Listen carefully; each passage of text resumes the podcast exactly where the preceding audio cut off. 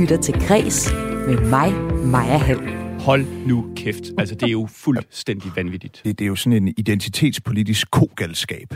Ja, sådan lyder det her fra Liberal Alliances Alex Vanopslag om TV2's beslutning om at droppe genudsendelsen af en Pyrus julekalender, fordi den indeholder en, citat, forældret, forældet skildring af mennesker og kulturer. Beslutningen har hen over weekenden fået en del kritik. Måske har du også forholdt dig til beslutningen. Det er i hvert fald noget, jeg har talt med mine venner om. Og det er fordi børneunderholdning er en potent værdipolitisk kampplads, lyder det fra første gæst her i Kulturmagasinet Kreds på Radio 4. En udsendelse, der i dag også ser nærmere på et par af de helt store legender. Tulsa. What's Tulsa? I want you to go there. The horse race, the springboard mile. There's nobody doing nothing. You can do whatever you want. Not exactly the welcome I was expecting. I dag er der nemlig premiere på en ny serie med den nu 76-årige Sylvester Stallone i hovedrollen. Den hedder Tulsa King. Og øh, jeg prøvede, men jeg kunne ikke lige få fat i øh, legenden selv, så i stedet for har jeg fanget den næstbedste, nemlig en dansk legende, stuntmanden Svend Ole Thorsen, der i 80'erne var venner med Hollywoods stærkeste mænd. Men øh, Stallone, han er mere end bare muskler. Det opdagede Svend Ole Thorsen allerede første gang, han mødte ham. Det var som at møde en professor i litteratur. Faktisk et chok for mig, fordi mit indtryk var fra hans film, hvor han talte på en fjollet måde, og, og, og var så måske lidt tumpet i det. Vi skal i dagens udsendelse også tale med en af dem, der har været med til at sikre Danmark guld til VM. Altså VM for kokkelandshold. Og øh, så prøv lige at høre øh, den her guitar.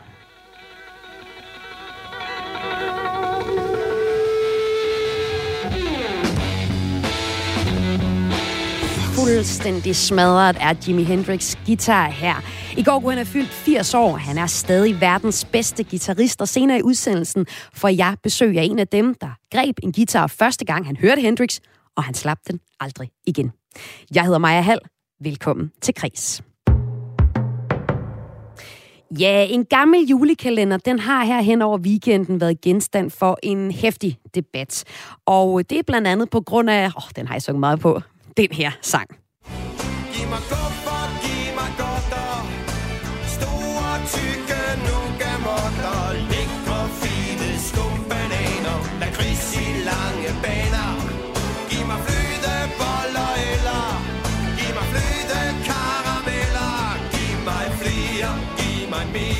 Og udover at være en øh, ørehænger, så følger der også en video med til den her sang, som jeg lige har genset. Det er en video, jeg har set enormt mange gange, når jeg har set uh, Pyrus-serien her.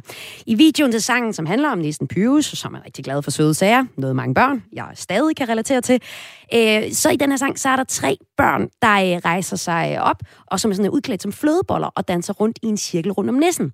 Og udover at være malet brune i ansigtet, så har børnene også store røde læber, noget nogen kalder blackfacing. Et andet sted i den her julekalender, der bruges ordet nære, og et tredje sted i julekalenderen, der møder man den hollandske figur Svartepiet, der i øh, hjemlandet er stærkt omdiskuteret, fordi den er mange betragtet som et racistisk levn for kolonitiden. Noget, jeg ikke anede noget om, da engang jeg så julekalenderen her fra 97.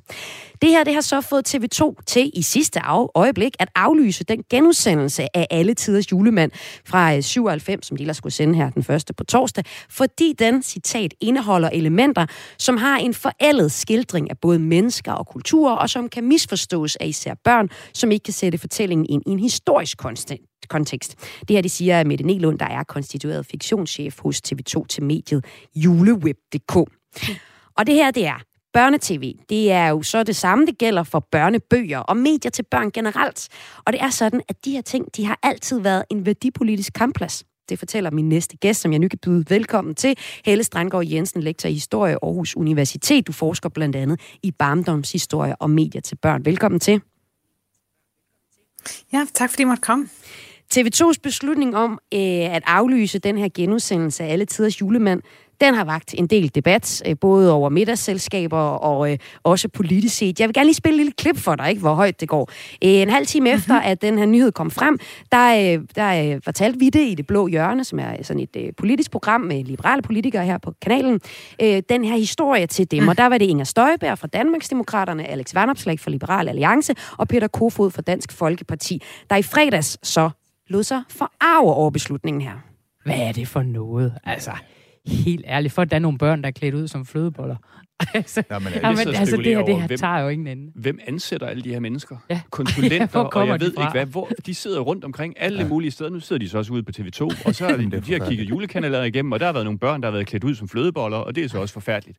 Hold nu kæft. Altså, det er jo fuldstændig vanvittigt. Det, det er jo sådan en identitetspolitisk kogalskab, som, som inficerer alt for mange hjerner, og det er en sygdom, der starter ved at gå for længe på universitetet. Ja, altså Helle Strandgaard Jensen, man kunne sige, det var en lille historie, at de trækker øh, den her julekalender væk. Det er nummer tre ud af fire af de her Pyrus julekalender. Men det er jo noget, der kan få nogle grænvoksne politikere op i stødet. Hvorfor er underholdning til børn? Altså, man kunne kalde det en kampplads, og du kalder det endda en kampplads for værdidebatter. Ja, men det er det, fordi at øh, der er sådan en forestilling om, at øh, det, det, som børn ser på tv eller læser i bøger, ligesom er med til at give dem sådan værdier og normer og holdninger. Og børn er jo ligesom en del af samfundet, men de bliver også de kommende samfundsborgere. Og så er der ligesom sådan en forestilling om, at, at den måde, det kulturforbrug, som børn har, men det er med til at påvirke dem. Og så bliver det jo også sådan en værdipolitisk kamp. Altså, hvad er det for nogle værdier, normer, hvad er det for nogle erfaringer, man gerne vil have, at børn gør sig, når de konsumerer kultur. Og der er jo mange forskellige holdninger. Altså, der er jo sådan et, et, et bredt spektrum af kulturpolitiske holdninger til det her. Og der er de her politikere øh, et sted, og så er TV2 et andet sted, og derfor bliver det også en, øh, en, en voldsom debat. Ja, og hen over weekenden, så har jeg forsøgt at række ud til TV2 for at få en kommentar fra dem. Det har desværre ikke været muligt, og jeg har også fornemmet i min korrespondence med dem, men der har virkelig været travlt. Jeg har været, der har været mange, der har stillet spørgsmål til den her beslutning. Men hvis man kigger i historiebøgerne, så kunne du egentlig godt have fortalt dem, at det her det ville være noget, der ville komme en kraftig reaktion på. Altså, hvilke debatter har vi tidligere set i forhold til børneunderholdning og, øh, og så øh, værdipolitiske debatter, der er kommet ud af det?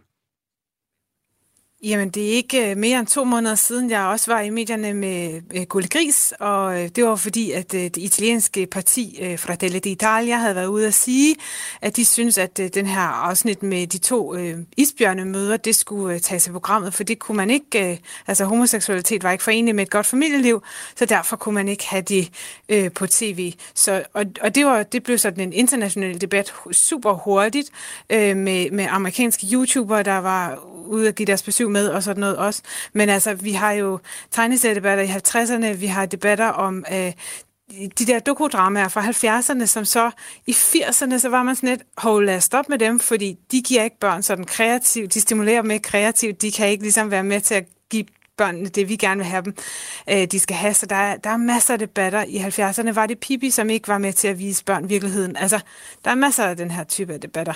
Øh, men det betyder jo ikke, at man ikke skal Altså, det, det kan jo ikke, selvom at, øh, at man kunne kigge tilbage og sige, jamen, det var måske en, en, en, en forventelig reaktion, eller man vidste, der ville komme reaktioner, det betyder jo ikke nødvendigvis, man er, hvis man er den overbevisning, at man synes blackfacing og vise det til børn er forkert, så, så fjerner man det jo alligevel, mm. kan man sige. Mm.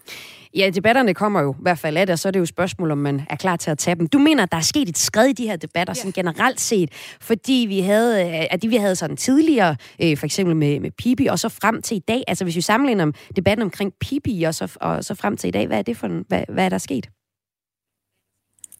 Men altså, man kan sige, at i 50'erne og 70'erne er der der er noget mere sådan konsensus, eller i hvert fald en bredere flade. Det skiller sig ikke helt så på samme måde sådan øh, politisk, øh, og heller ikke sådan i starten af 80'erne, sådan som det gør nu. Men man kan sige, at... Altså, hvad er at debatten det- med Pippi at, på det øh, tidspunkt? Nu har jeg, Øhm, det, debatten med Pippi i starten af 70'erne var, at Pippi ikke kunne være med til at vise børn øh, i virkeligheden. Altså hun kunne ikke være med til, hun ville ikke øh, hjælpe dem med at forstå deres problemer med deres forældre eller søskende jalousi eller sådan noget.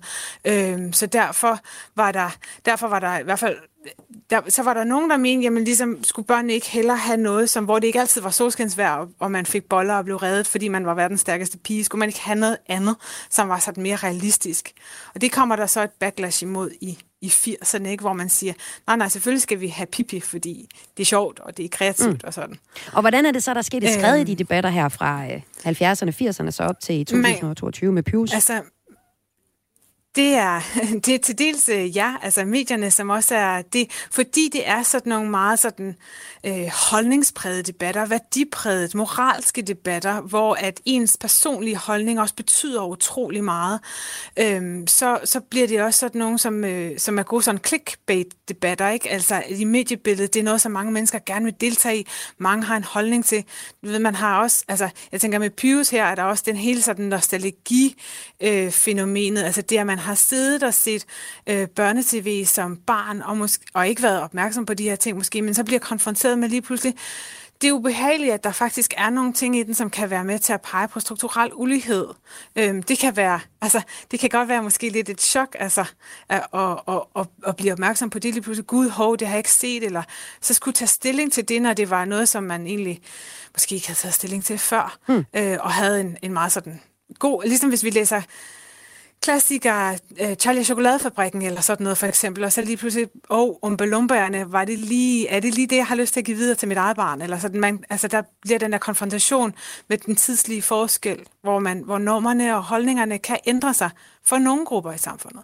Og det er jo altså det, vi har set her med Pyrus julekalenderen, hvor øh, den, der hedder Alle Tiders øh, julemand, nu bliver taget væk, så den ikke, kan gen, øh, den ikke bliver genudsendt her den 1. december. Og til at sætte den historie i perspektiv, og den kritik og debat, der er affødt, at man har taget den ned fra TV2's side, der havde jeg her lektor i historie ved Aarhus Universitet, Helle Strandgaard Jensen. Tak fordi du var med. Selv tak. Tak fordi kom. Og så synes jeg jo også, altså nogle gange, så skal man øh, huske at høre historien fra hestens egen mund. Og det gjorde de på Radio 4's aftenradio i fredags, hvor min kollega Morten Nørbro talte med den 33-årige Niklas Færk, som tilbage i 97 spillede en af de nu øh, tre så kontroversielle flødeboller i alle tiders julemand. Jeg kan lige starte med at høre, kan du stadigvæk flødebolledansen? det var sgu bare noget med, at vi skulle løbe ring, og så skulle vi sådan vifte lidt med, med hænderne, ikke? Øhm, jeg kan faktisk huske, at Pyrus, øh, det var ham. Han, han satte sig på mig. Altså, jeg, jeg er den tredje flødebold, det mindste flødebold, som han sidder på, inden vi sådan rejser sig op og skal danse rundt om ham, ikke? Øh, det er det, jeg sådan kan huske den fra, fra den gang. Kan du selv se, at, øh, at der er et problem med det afsnit her? Ej, jeg synes sgu lidt, jeg, synes, jeg, må indrømme, jeg synes, det er gået lidt over gevind, det hele. Øh, det er som om, man bare leder efter nogle ting for at, for at grave dybere i det, ikke? Altså, Altså, det var jo ikke meningen, at øh, vi skulle være nære som sådan. Øh, vi var jo bare flødeboller øh, i en dans, i en slikdans. Og hvis du selv vil dømme, om det bare var flødeboller i en slikdans, eller det var uh, racisme, der var i den her uh, sang, Giv mig slik, så kan du finde den på YouTube. Og den ligger jo altså ikke som julekalender fra på torsdag, for TV2 har besluttet sig for at tage den her Pyrus øh, julekalender ned. Om lidt her i Kulturmagasinet Kreds, der skal det handle om en uh, mildest talt revolutionerende guitarist. Måske lige stille og roligt verdens bedste, stadig. Jimi Hendrix spillede, som om der var flammer i hans guitar. I går, der kunne han være fyldt 80 år. Jeg får besøg af en guitarist, som øh, siden han hørte Hendrix som 9-årig har spillet guitar, og han har lovet at tage sin guitar med, så vi kan høre nogle af de bedste riff fra rocklegenden Hendrix. Men først skal det handle om en anden legende. Det skal handle om Sly, eller Sylvester Stallone, der er nemlig aktuel som 76-årig i en ny serie, og det har jeg talt med blandt andet Svend Ole Thorsen om. Du lytter til Græs med mig, Maja Hall. De der øh, permanent halvt nedrullede øjenlåg, den hængende underlæbe og så den der lidt ud, uldende udtale. Det er for mig, hvad der sådan umiddelbart adskiller Sylvester Stallone fra de andre 80'er bøffer som Arnold Schwarzenegger og Chuck Norris. I don't deal with psychos. I put them away. Ja, altså de her one-liners, ikke? Færre fra Cobra fra 86. Men der er mere dybde i Sylvester Stallone end de kække replikker og store muskler signaleret i 80'er-roller som med bokseren Rocky og Vietnam-veteranen Rainbow. Og derfor vil det nu 76-årige Sylvester Stallone lykkes med sin nye serie Tulsa King, som har premiere på Sky Showtime i dag.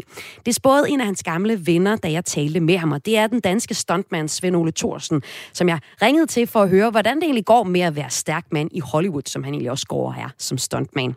Det går okay men man bliver også nødt til at byde på andet end muskler og hurtige replikker. Og det beviser Stone, øh, Stallone, at han kan, mener Svend Ole Thorsen. Men sådan var det ikke i 80'erne, da Svend Ole Thorsen hang ud med Stallone, for her var det musklerne, der solgte billetterne. Svend Ole Thorsen var selv i 70'erne blandt verdens stærkeste mænd og har været stuntmand i mange film. Han rejste til Hollywood, hvor han dannede par med Grace Jones, musikeren, og øh, blandt hans største roller er for eksempel fra Gladiator, hvor han har den her kæmpemæssige tvikkamp omgivet af sultne tiger, hvor han bare er sådan kæmpe stort muskelbund. Og så har han så også forsøgt at få to af 80'ernes største stjerner til at blive venner. Den ene, det er ham, det handler om i dagens udsendelse af Kreds, Sylvester Stallone, og den anden, det er Arnold Schwarzenegger, som øh, Svend Ole faktisk havde øh, lavet nogle film med, inden han rejste til Kalifornien i midten af 80'erne. Så da han landede i The Golden State, så ringede han til Sven Ole, og eller så ringede Sven Ole til Arnold. Og så jeg i byen, om ingen gav en kop kaffe. Ja, ja, jeg er oppe i Griffith Park. Jeg laver en film, der hedder Commando. Kommer op og, og siger hej. Så jeg kom derop, jeg var dengang 142 kilo, og havde lovet, inden jeg rejste hjemmefra, at sætte verdensrekord i styrkeløft i en disciplin, der hedder bench press, var jeg i stand til øh, som 40-årig at løfte 242,5 kilo som verdensrekord. Så da Joel Silver, produceren, så mig, øh, var han ret imponeret, fordi jeg var 40 kilo tungere end Arnold. Og sagde, hør her, øh, hvis du nu er i byen, så kunne du tænke dig at arbejde på filmen her. Så det var jeg da godt tænke mig. Og så, øh, så var jeg i filmbranchen. Hvor mange æg vil du sige, du spiser på det her tidspunkt, eller hvad, hvad sætter man til livs? Jeg lavede en artikel i Se og Hør, hvor jeg spiste dengang. Det er jo noget med Øh, 20 æg om dagen og 3-4 liter mælk. Og, altså, jeg spiste jo meget. Jeg trænede jo tre gange om dagen. Ikke? Jeg spiste 5-6 gange om dagen. Og startede på en kropsvægt af 83 kilo. Efter 10 år, så var jeg så over 140 kilo. Ikke? Så jeg var virkelig fanatisk. Jeg mistede også mit første ægteskab på det, fordi jeg var i med altid. Ikke? Det var mit liv. Ikke? Jeg havde sat mig, jeg havde sat mig det mål, at når jeg døde en dag, og alle vennerne skulle løfte min kiste op, så gik bunden ud, fordi jeg var så tung. Så kiggede jeg altid og sagde, hold kæft, hvor var han stor. Det var ligesom det der, det havde jeg sådan som mål. Jeg vil være den største og den stærkeste i verden. Og så skal der nogle æg til? Jeg skal også på æg til 30 nogle gange. Og for at det nu ikke skal handle om alt, øh, hvad du øh, spiser, øh, Svend Thorsen, så kunne jeg godt tænke mig at høre dig tilbage til tiden her 85, hvor du kommer til øh, Hollywood. Du øh, har din ven ja. Arnold Schwarzenegger, men på et tidspunkt så øh, møder du også Sylvester Stallone. Hvordan det? Ja, det er i, øh, i, i 80'erne. Jeg tror, vi har været i byen i halvanden år, eller sådan noget, i 86, 87 der var der en masse konkurrence i bladene og aviserne om øh, hadet mellem Arnold og Stallone. De konkurrerede ikke med deres film med Commando, der viser muskler, og Rambo, der er rundt og viser muskler. Så der var meget snak og nærmest et uvenskab mellem dem. Og så på et tidspunkt, som dansker, så tilbyder jeg at være, være sådan en øh, moderator, der går igennem imellem dem, og så forsøger ligesom at bale vej så de kan lære hinanden at kende, fordi de har begge to samme ambitioner, ikke? at være de største og være de bedste og alt det der. Det skete så ved, at jeg, jeg dengang blev inviteret, fordi Gitte var dengang gift med, med Stallone, og jeg havde arbejdet sammen med Gitte Red i Italien, og Arnold, da vi lavede den der film.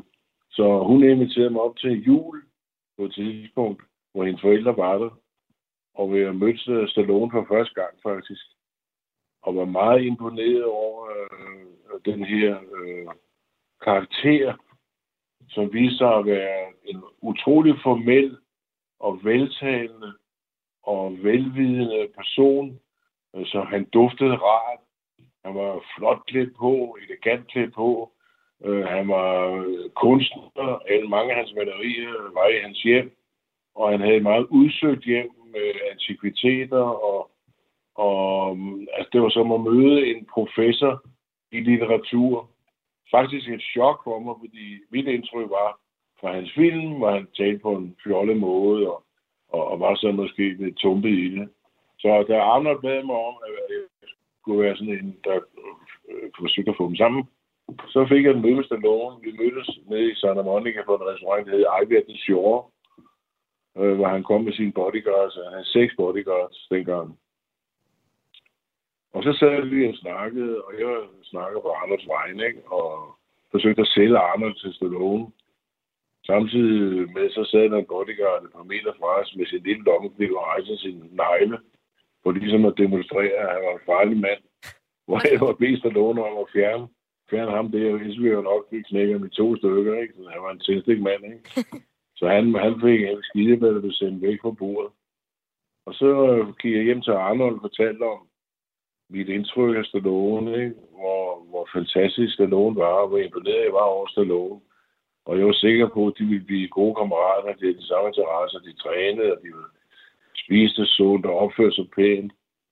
Og de mødtes så og havde en lang snak. Men resultatet blev, at de begge to kom til mig og sagde, ej, jeg tror, at Arnolds ego er for stort. Og så nogen sagde det samme, nej, jeg tror, jeg tror ikke, vi passer sammen, fordi så de, havde, altså, de var begge to så fylde af ambitioner, så de mente ikke, det var tidspunktet, der var det rigtige. Senere, øh, jeg fik et nært forhold til Stallone. Jeg var med ud, og var han spillede polo, og han var på hans kontor på Paramount, som for af dem, der producerer Tulsa King nu. Det er Paramount Studio. Mm. Og nu har han jo så fundet ud af at lave tv. Det er en god ting. Og jeg er, jeg er glad på hans vegne, fordi jeg tror, nu har han en mulighed for at ligesom vise sig selv, den her veltalende, elegante mand, som er, er altså en verdensmand. Du ved, han er charmerende, og man kommer ind i et rum, så drejer og vender alle sig rundt og rundt. Altså, han har virkelig en, øh, en karisma, øh, som går ud over det så vanlige. Og jeg er sikker på, at nu her, hvor han kan være sig selv og vise, hvad han egentlig kan, øh, ud over Rambo, Rocky og alt det der, at han får stor succes med det. Du spår uh, Tosla-serien her, Tosla King, til at blive en, en uh, stor succes. Det bliver superhit. Jeg ser på Stallone. Han er meget speciel. Siden uh, dengang altså, været stor uh, fan af Stallone og stor støtte til Stallone, og er glad for nu at se, at ham og andre blive kammerater 30 år senere, eller 40 år senere. Ja, ja, nu er de jo bedste venner, ikke? Hvilket er dejligt at se, ikke? Sådan her lød det fra stuntmanden Svend Ole Thorsen, der altså har været venner med både Arnold Schwarzenegger og Sylvester Stallone. Og øh, han talte her om Sylvester Stallone, der overraskede ham ved at være en mand med, øh, med følelser, som man også kunne vise på tv, og det er han sikker på er det, der vil øh, gøre sig godt i den nye serie Tulsa King, som har premiere i dag, og som vi bliver vildt ved her i Kulturmagasinet Kris. Du lytter til Kris med mig, Maja Hall. I kept my mouth shut for 25 years. I don't know what you're expecting now that you're back. Ja, i dag er der premiere på gangsterserien Tulsa King. Her spiller Stallone den øh, hårdhudede gangster Dwight, der efter 25 år i fængsel bliver sendt i eksil fra New York til Tulsa for at starte en ny gangstervirksomhed i den her ret meget søvngænger døde by. Tulsa. What's Tulsa? I want you to go there. The horse race, the springboard mile. There's nobody doing nothing. You can do whatever you want. Not exactly the welcome I was expecting. Ja, sammenstød mellem den her storby gangster fra New York City og den fredelige Oklahoma-beboer, den giver i den her Tulsa-serie både noget humor og noget action. Oh my god, is he dead? No, he's taking a break. This is how it's going to work. I'll protect you from the gangs What gangs? And the law. This is legal. You got to know your risk. There was no risk until you came along. Mm, ja. Her hører vi altså øh, serien øh, Tulsa King lidt fra traileren her. En serie, der har masser af action, men også en serie, om en øh, gammel gangsterboss, der græder, når ingen ser det. Og det står jo umiddelbart i kontrast til den her 80'er-bøffen Rambo, en anden af Stallones karakter. En karakter, altså Rambo, som journalist på Weekendavisen og Stallone-fan, Lenny Malachinsky, er særlig glad for. Hun dyrker den her rendyrkede hævn, som man ser i de her Rainbow-film, og synes, det er fedt. Alligevel så synes hun om øh, uh, Tosla King gangsterbossen Stallone, for ligesom med andre af Stallones karakterer, så er der en reel historie i hans hårdslående karakter. Altså, selvom han giver knytnøvslag, så er der en god grund til det, siger hun, da jeg talte med hende her inden udsendelsen. Og det første, jeg spurgte hende om, det var hun sådan overordnet set synes om Tosla King. Jeg synes altid, det er sjovt at se Sylvester Stallone, fordi han faktisk også har meget humor og selvironi, og det her med, at han er en meget gammel mand, der kommer ud i samfundet efter at have siddet 25 år i fængsel. Der er ikke nogen kontanter, han kommer ind på sådan en, på sådan en takeaway kaffebar, hvor, man, hvor han ikke kan få sin kaffe i en rigtig kop, han kan kun få det i sådan en papkop. Og han kommer ud til sin, øh, sin mafiafamilie der, og, så, øh, og synes ikke, at de øh, behandler ham med respekt. Og så siger han til en af de unge mafia, eller unge, så den midalderne mafia, men øh, jeg har kendt dig siden du gik i blæ, og så siger den unge, yngre der, nu er det dig, der går i blæ, og så mm slår, øh, hvad hedder det, Sylvester Stallone ham lige mellem øjnene, ikke? Jo. Øhm, så, der er, så der er sådan nogle øh, spil frem og tilbage, hvor at han også ligesom, altså Sylvester Stallone, man kan sige, han, han, er, han er nok blevet mere sådan øh, selvironisk og blød med årene, vil jeg sige. Ja. Ja, og det er sjovt, altså det, når man ser det der med, at han har været i, i fængsel i 25 år, det er også lidt som om, at han har været uden for samfundet. Ja, han, fordi han kommer også ud til, han bliver sendt til sådan en lille by, der hedder Tulsa, af den her mafia-familie, øh, han er med i. Øh, og der bliver han bedt om at starte øh, en hashhandel op. Og da han ankommer til Tulsa, så finder han ud af, okay, marijuana er faktisk legaliseret her. Ja. Man kan gå lige ind for gaden. ja. øhm, de forstår ikke, hvad han mener med, at, at du ved, de skal passe på, at, at øh, myndighederne ikke opdager, hvad de har gang i. Øhm, men man kan sige, at Stallone, han, han har faktisk, altså han har faktisk altid været optaget af det der med, altså han har altid været en outsider i sin film. Øh, han har også tidligere lavet fængselsfilm. Øh, så hele det der med at være uden for det etablerede, uden for systemet, øh, ikke være i toppen af magthierarkiet, øh, ikke være fin, ikke være sofistikeret og blive set ned på, det har altid været noget, der har været med i hans film. Og er det det, du godt kan lide ved Sylvester Stallones øh, film, også dem helt tilbage fra 80'erne? Altså, jeg elsker det her med, at den jagede bliver den, der jagter. Altså, det han gør i, især i øh, Rainbow-filmene, det er, at han vender krigen om. Han er ligesom den der forpjuskede, traumatiserede øh, Vietnam-veteran, der vender hjem, og landet vil ikke kendes ved ham. Og alle, alle, alle Rainbow-filmene, alle fem, er jo dybest set fortællinger om en underdog, som i sidste ende bliver den, der evner at, øh, hvad skal man sige, at, at få retfærdigheden til at ske fyldest, fordi han er villig til at gøre noget meget grimt hmm. for øh, at øh, skabe balance i tingene. Altså verden har brug for mænd som Rainbow, der er villige til at slå ihjel. Og så er du så også særlig glad for, at han rent faktisk slår de mennesker ihjel. Altså det er den her kompromilløse hævn, som øh, du ser som en særlig stærk ting, der går igen i øh, Stallones forskellige figurer.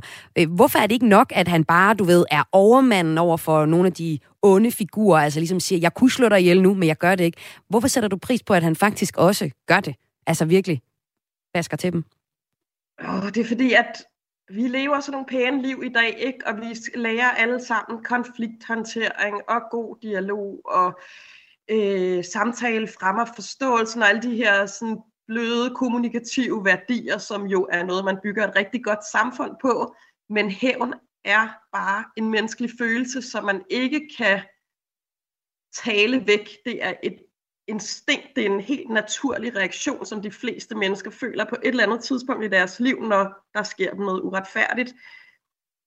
Og, og se den følelse, altså han, han, han ophæver jo den følelse, eller han holder den frem og siger, se, det er en legitim følelse, og det er det her, man har lyst til at gøre, når man, når man føler det. Øh, simpelthen bare at øh, brænde landsbyer ned og skyde vildt om sig og sådan noget. Ikke? Øh, det, det synes jeg er fedt, og jeg synes, der er rigtig mange film, hvor åh, det ender altid med, du ved, at hovedpersonen, du ved, det der sidste øje, afgørende øjeblik, hvor han skal ligesom, skal jeg skyde den mand, der har slået mine børn ihjel, eller voldtaget min kone, eller øh, øh, så beslutter han sig alligevel i sidste øjeblik for, at ah, så er jeg ikke bedre end ham, og jeg vil ikke ned på hans niveau, og vold afler vold, ikke? Det er også lidt uforløst. Men det er vel også reelt nok, at vold øh, avler vold? Det er vel et okay argument at have mod, øh, mod at det ikke skal være afslutningen på enhver film, at alle de onde bliver plukket ned. Ja, men der tror jeg, at Rainbows filosofi vil være, at vold eksisterer. Der vil altid være onde mennesker, der vil begå vold. Øh, og derfor så er man også nødt til at overvinde dem med vold. Og øh, Lenny øh, Malachinsky, jeg bad dig så finde nogle eksempler på, at øh, den her rendyrkede hævn fungerer så godt i øh, Sylvester Stallones øh, film. Sylvester Stallone, der er altså lige nu i dag er aktuel med en ny serie, der hedder Tulsa King. Og øh, de eksempler, du finder, de er alle sammen fra Rainbow-filmene. Hvad er dit favorit eksempel på den her rendyrkede hævn, som, som Rainbow-figuren øh, udviser? Altså, min yndlingsfilm, det er Firen, hvor han er i Burma, og den har også seriens, altså Rainbow-seriens højeste kill count, det vil sige det der, der bliver slået flest mennesker ihjel per minut. Men der er en scene, hvor at, øh, filmen handler om, at han, øh, du ved, bor langt væk i Thailand, og han øh, hudler sig lidt frem ved at øh, fange slanger til sådan nogle turistshows og sådan noget og han vil dybest set bare gerne være i fred, og så kommer der nogle amerikanske missionærer og vil have ham til at sejle dem ind i Burma, og de skal ind med biler og medicin, øh, og har selvfølgelig ikke nogen våben med, for de tror ikke på våben, og de tror ikke på, at, på krig som løsning for noget som helst. Øhm, og det ender så med, at han, han prøver at sejle dem ind, og så bliver de selvfølgelig angrebet af burmesiske sådan nogle flodpirater undervejs, og efter at, øh, øh, at Rainbow selvfølgelig ene mand har øh, onduleret dem alle sammen, så er der så en, der ligesom du ved, rækker hånden ud efter den her pistol, for at se, om han kan skyde Rainbow. Og så ser man Rainbow i sådan en helt vild øh, profil, fordi han er jo simpelthen er så pumpet øh, på det tidspunkt i sit liv. Øh, og bare sådan stå og holde den der, pege den der pistol ned mod piraten, og alle de der amerikanske pæne missionærer, der sådan i baggrunden siger, no, no, you can't do that, og du ved, øh, det hjælper ikke noget at dræbe.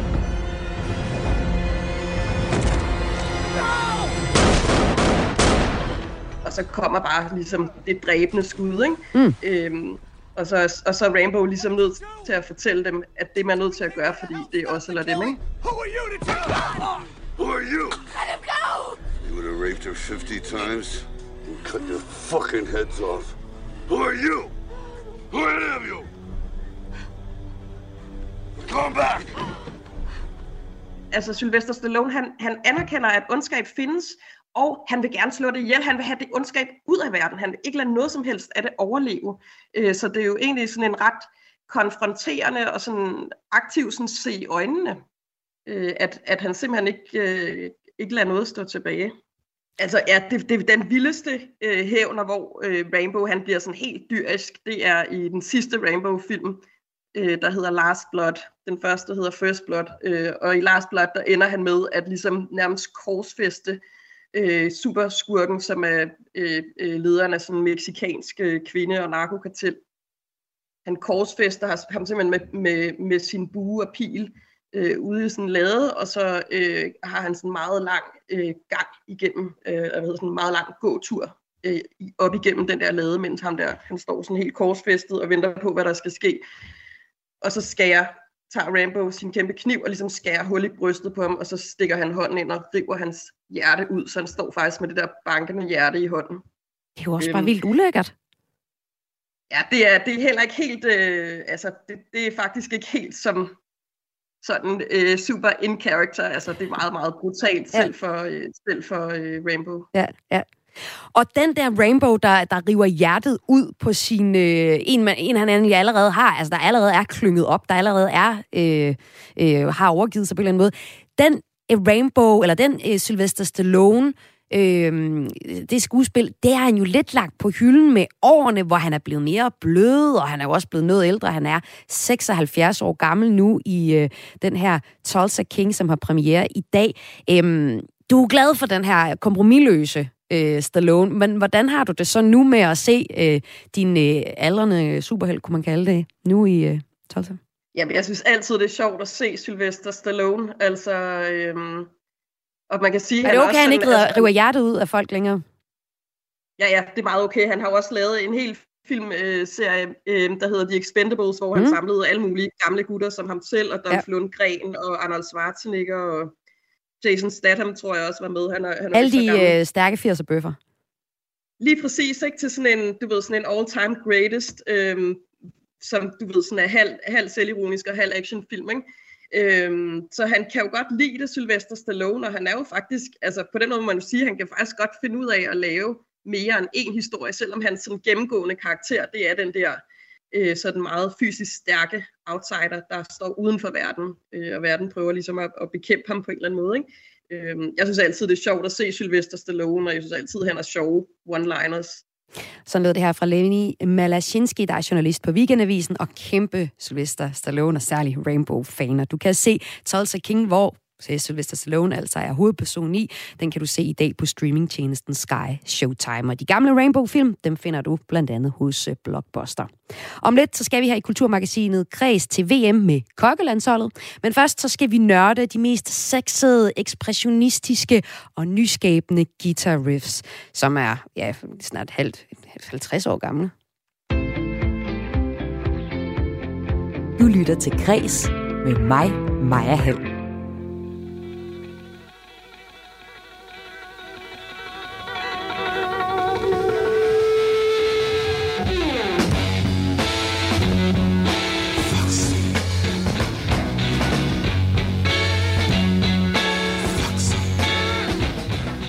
Han spillede, som var der flammer i hans guitar. og I går der ville den amerikanske rockmusiker Jimi Hendrix være fyldt 80 år, hvis altså ikke den her guitarlegende havde mistet sit liv i en alder af kun 27 år ifølge dødsattesten, som følger en overdosis af sovemedicin. Jeg har som teenager hørt masser af Jimi Hendrix, og virkelig følt den guitar, der vi lige hørt. Men eftersom jeg aldrig kom længere ind til at kunne spille Jeg har fanget med en mug, så har jeg altid øh, haft lidt svært ved at sætte ord på, hvad det er, der sker i det her guitarspil. Derfor har jeg inviteret en guitarist i studiet, der blev guitarist på grund af Jimi Hendrix. Velkommen til guitarist i Electric Guitars, Mika Vandborg. Tak for det. Du øh, udgiver musik i eget navn, eller i Electric Guitars navn, og så har du også spillet med ja, alle de store. Blandt andet været på turné med Knacks, Love Shop og Digte. Og du startede med at høre Hendrix som 9-årig, og faktisk aldrig stoppet. Hvad har Hendrix betydet for dig som musiker? Jamen, ja, han har betydet alt jo. Han har sådan set defineret det livsvalg, jeg tog som 9-årig, fordi jeg havde hen i OB skole lært at spille rabalderstræde med to akkorder, så havde jeg øvet mig, og så en dag kom der noget musik i radioen, det var så, spurgte jeg min far, hvad er det? Jamen, det er Jimi Hendrix, og så trak han det der album, der hedder Electric Ladyland, hvor der er en masse nøgne dame udenpå, ud, og så satte han det på, og så, øh, ja, så sagde jeg, jeg vil spille guitar resten af mit liv. Og det har du gjort? Og øh, du har også taget din guitar med, er det rigtigt? Jo, jo, jo, jo. Ja, ja, ja. Jo, jo. og vi skal jo høre nogle af de fedeste riffs, som uh, Hendrix nåede at lave i sin ret korte karriere. Det var sådan i uh, slutningen af 60'erne. Der fik ja. han den her stjernestatus med numre som Hey Joe, Purple Haze, The Wind Cries Mary, og var hovednavn på alt. Woodstock Festival, alting. Og ja. har ligesom siden da bare været den største guitarist, like ja. ever. Ja, det, han definerer jo ligesom den moderne elektriske guitar. Han genopfinder den. Der er jo nogle fantastiske guitarister, Eric Clapton blandt andet, dem som sådan dykker ned i den der B.B. King øh, amerikanske blueskultur, som Hendrix også har med sig, men han skaber ligesom en, et nyt lydbillede, en ny... Øh, jamen, han, altså, at han brænder guitaren passer egentlig godt med det, han også spiller. Altså, at han, der er så meget nerve og så meget skrig i hans guitar, som mm. man aldrig har hørt før. Men kan du lige prøve at demonstrere det der skrig i gitaren med Foxy ja, Lady for eksempel, ikke? Skal du sætte Jimi Hendrix på? jeg trykker på et eller andet der. Altså det der er ved ham, han... Det er sådan grundlyden. Han har noget, der hedder en fospedal, som jeg trykker på nu, og så bryder jeg helvede løs.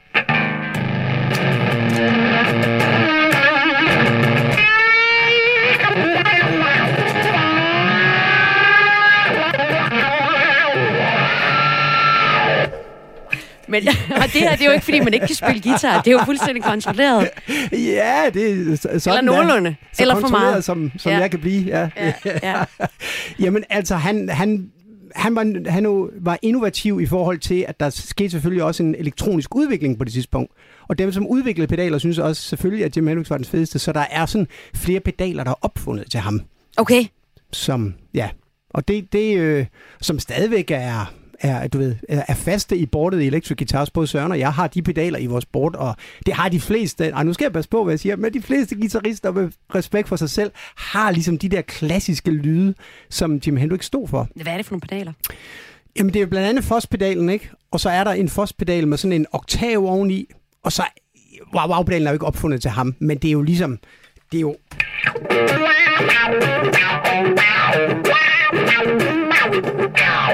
Altså, den ja, wow, wow-pedalen. Det er jo et skønt navn til en pedal. Er det ikke Voodoo Child, vi skal have på her så? Jo, prøv lige at sætte den på. Sådan der. Prøv lige at høre. Og der kom Foss-pedalen på.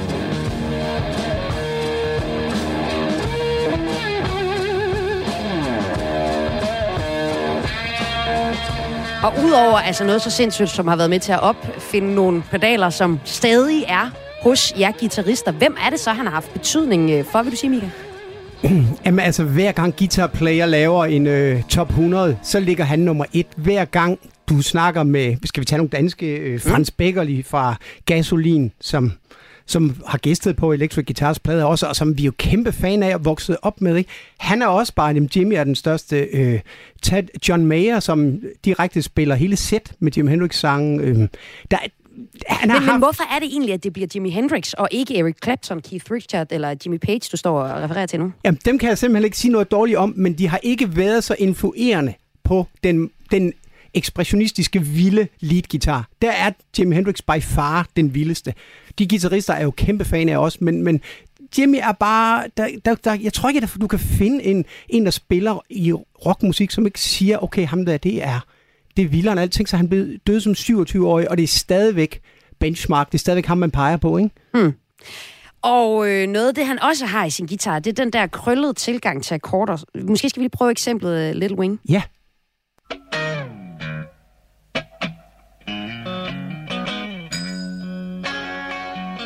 Det er jo mindre smadret, det vi hører lige nu i Ja. Vandborg. Ja, det er jo det.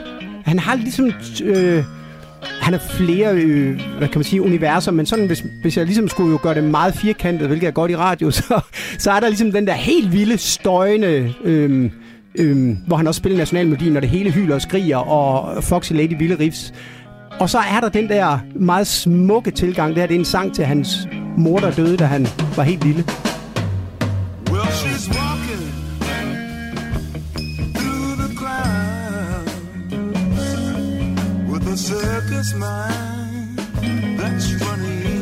Jamen for Ja. Det bliver jo ikke bedre, altså. Altså her er det Little Wing, vi har i Kulturmagasinet Kreds, hvor vi er sammen med... Ja, men altså, jeg, var, jeg bliver helt rørt. Nej, for fanden.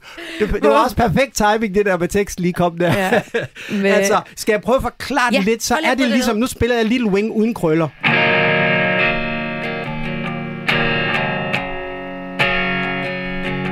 Men når Jimi Hendrix så spiller han det, så spiller han...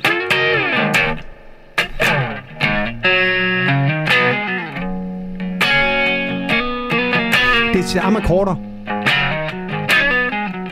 Så hvad er det, man krøller med her? Jamen, det er sådan lidt, at man tager... Spørg hende, der ikke kan spille mere end... Nå, men man, tager, man, man, man pluder ligesom rundt i akkorderne på sådan en, hvor der lidt er to toner meget. Altså, den tone i toppen hele tiden.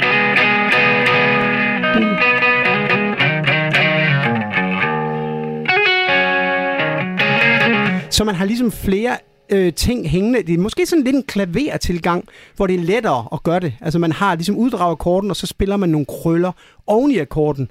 Sådan at, nu starter jeg med at spille sådan de der klassiske spidergreb, man starter med, med at lære, ikke? Mm. Altså, det bliver jo... Det altså, jo man, lærer spille, man, lærer, man starter med at lære Smoke on the Water. Er det ikke der, man starter?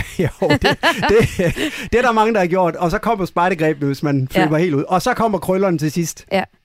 Og så er der jo egentlig mange, du, en ting er, at man er inspireret af Jimi Hendrix guitars spil, og hvordan han ligesom revolutionerer elgitaren, men så er der jo også nogle direkte referencer ind til, øh, til, til noget af musikken. Hvordan er det, at det også bliver taget med ind i populær ja, i musikken?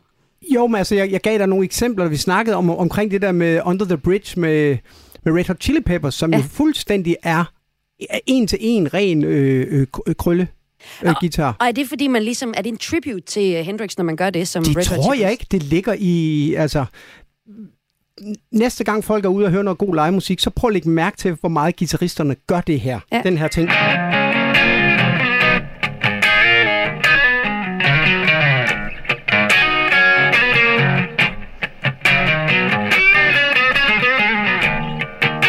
Det er ligesom en ting, når man spiller akkorder rigtig meget, at man gør det. Det, det, er, en, det, er, en, det er blevet en, en standard, at man ligesom ofte byder ind med det. Det er jo ikke alle sange, det passer til, men det er jo, I vil, hvis man lægger mærke til det fremadrettet, så prøv at lægge mærke til, hvor meget guitarister gør det. Mm. Og det kommer ligesom fra en soul-tradition, som ligesom med bluesmusikken, som Jimi Hendrix morfede ind i et nyt, på det tidspunkt fuldstændig banebrydende nyt univers. Og jo noget, han kun lykkedes med at gøre, indtil han var øh, 27 år gammel. Ja. Han kunne have været født øh, 80 i øh, år. Tror du, der var mange nye re- revolutioner, og, altså, man kunne have hentet hos ham, hvis han var, havde levet? Jamen altså, det, han var i hvert fald i, i de øh, fire år, han når ligesom at være det er kun altså, fire år. Det er det er kun fuldstændig fire. sindssygt. Det er fuldstændig sindssygt. Det er Han- fuldstændig gakket. Han kommer jo til London og gæster med Cream, ikke? og alle skal ind og se ham. øh, Beatles sidder på forreste række og alt. Ikke? Der er en historie, hvor Jeff Beck og øh, Eric Clapton, de er til en af de koncerter, og de er jo, de er jo de, er de to konger på det tidspunkt. Mm. Der er ingen, der rører dem. De er de største guitarister. De holder simpelthen hinanden i hånden, for de ved godt, det der, det er forbi. Hvad de, altså. Mm. Og det er jo så smukt. Ja, ja jeg har det fra Eric Clapton. Ikke, ja. ikke direkte, men det hørte det. ah, men Mika Vandborg, tusind tak, for du Selv kom med tak. her i Kulturmagasinet Kreds og forklaret, hvad det er for nogle riffs, der har gjort Hendrix som den største guitarist, og jo stadig er det. I går kunne han fyldt 80 år. Og vil du ikke lige spille nogle Hendrix-toner til sidst? Jo, det vil jeg da Som gerne. hyldest til Jimmy.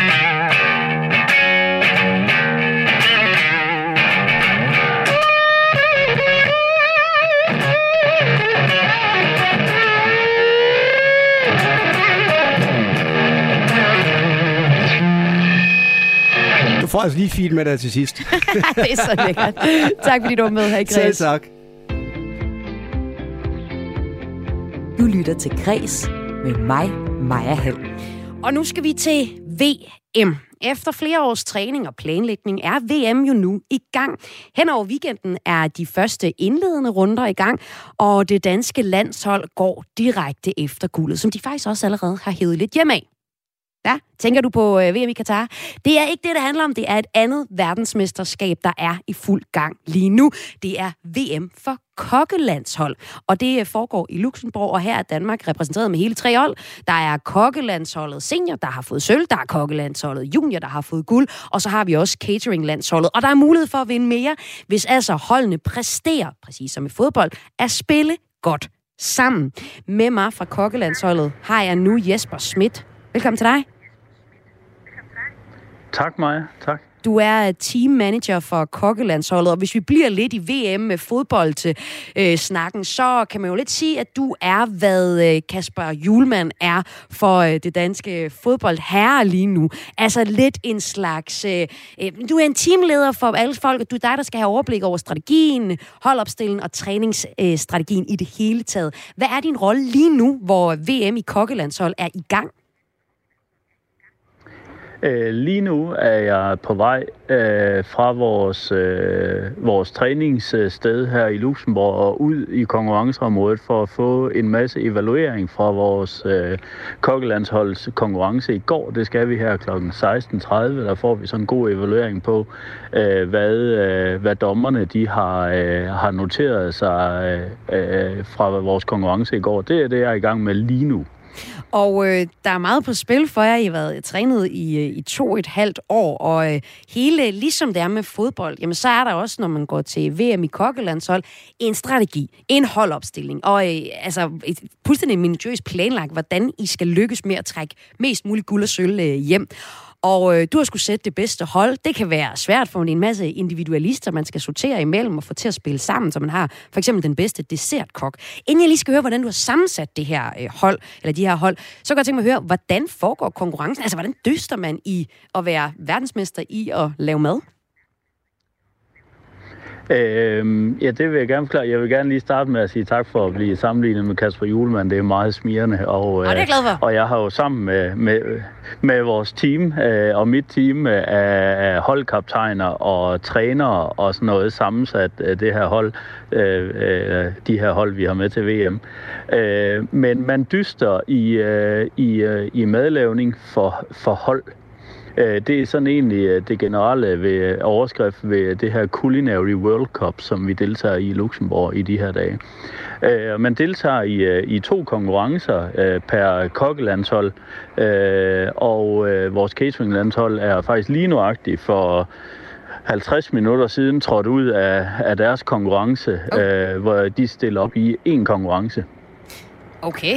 Øh, og, øh, men vi deltager i to, og øh, vores junior og vores senior har deltaget i den ene, hvor, øh, og det er en hver. Seniorerne har lavet det, der hedder Chef Table i går, hvor man laver mad til 12 kuverter, og øh, laver en hel masse øh, små øh, dejlige retter og snacks og petit fours, og øh, faktisk lige nok i år har vi skulle lave en veganerret også. Øh, så det, øh, det er enormt spændende, mm. og øh, juniorerne skal det samme i morgen.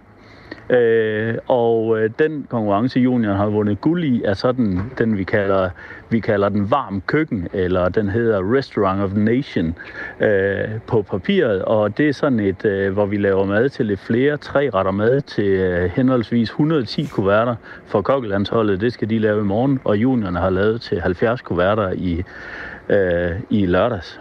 Og når de laver de her retter til øh, VM i øh, kokkelandshold, så er det jo alt muligt, eller ikke alt muligt, så er det alt, der bliver øh, bedømt. Det er ikke kun, om maden smager godt. Og for at det hele kan spille sammen, så er det mere at have en god holdopstilling.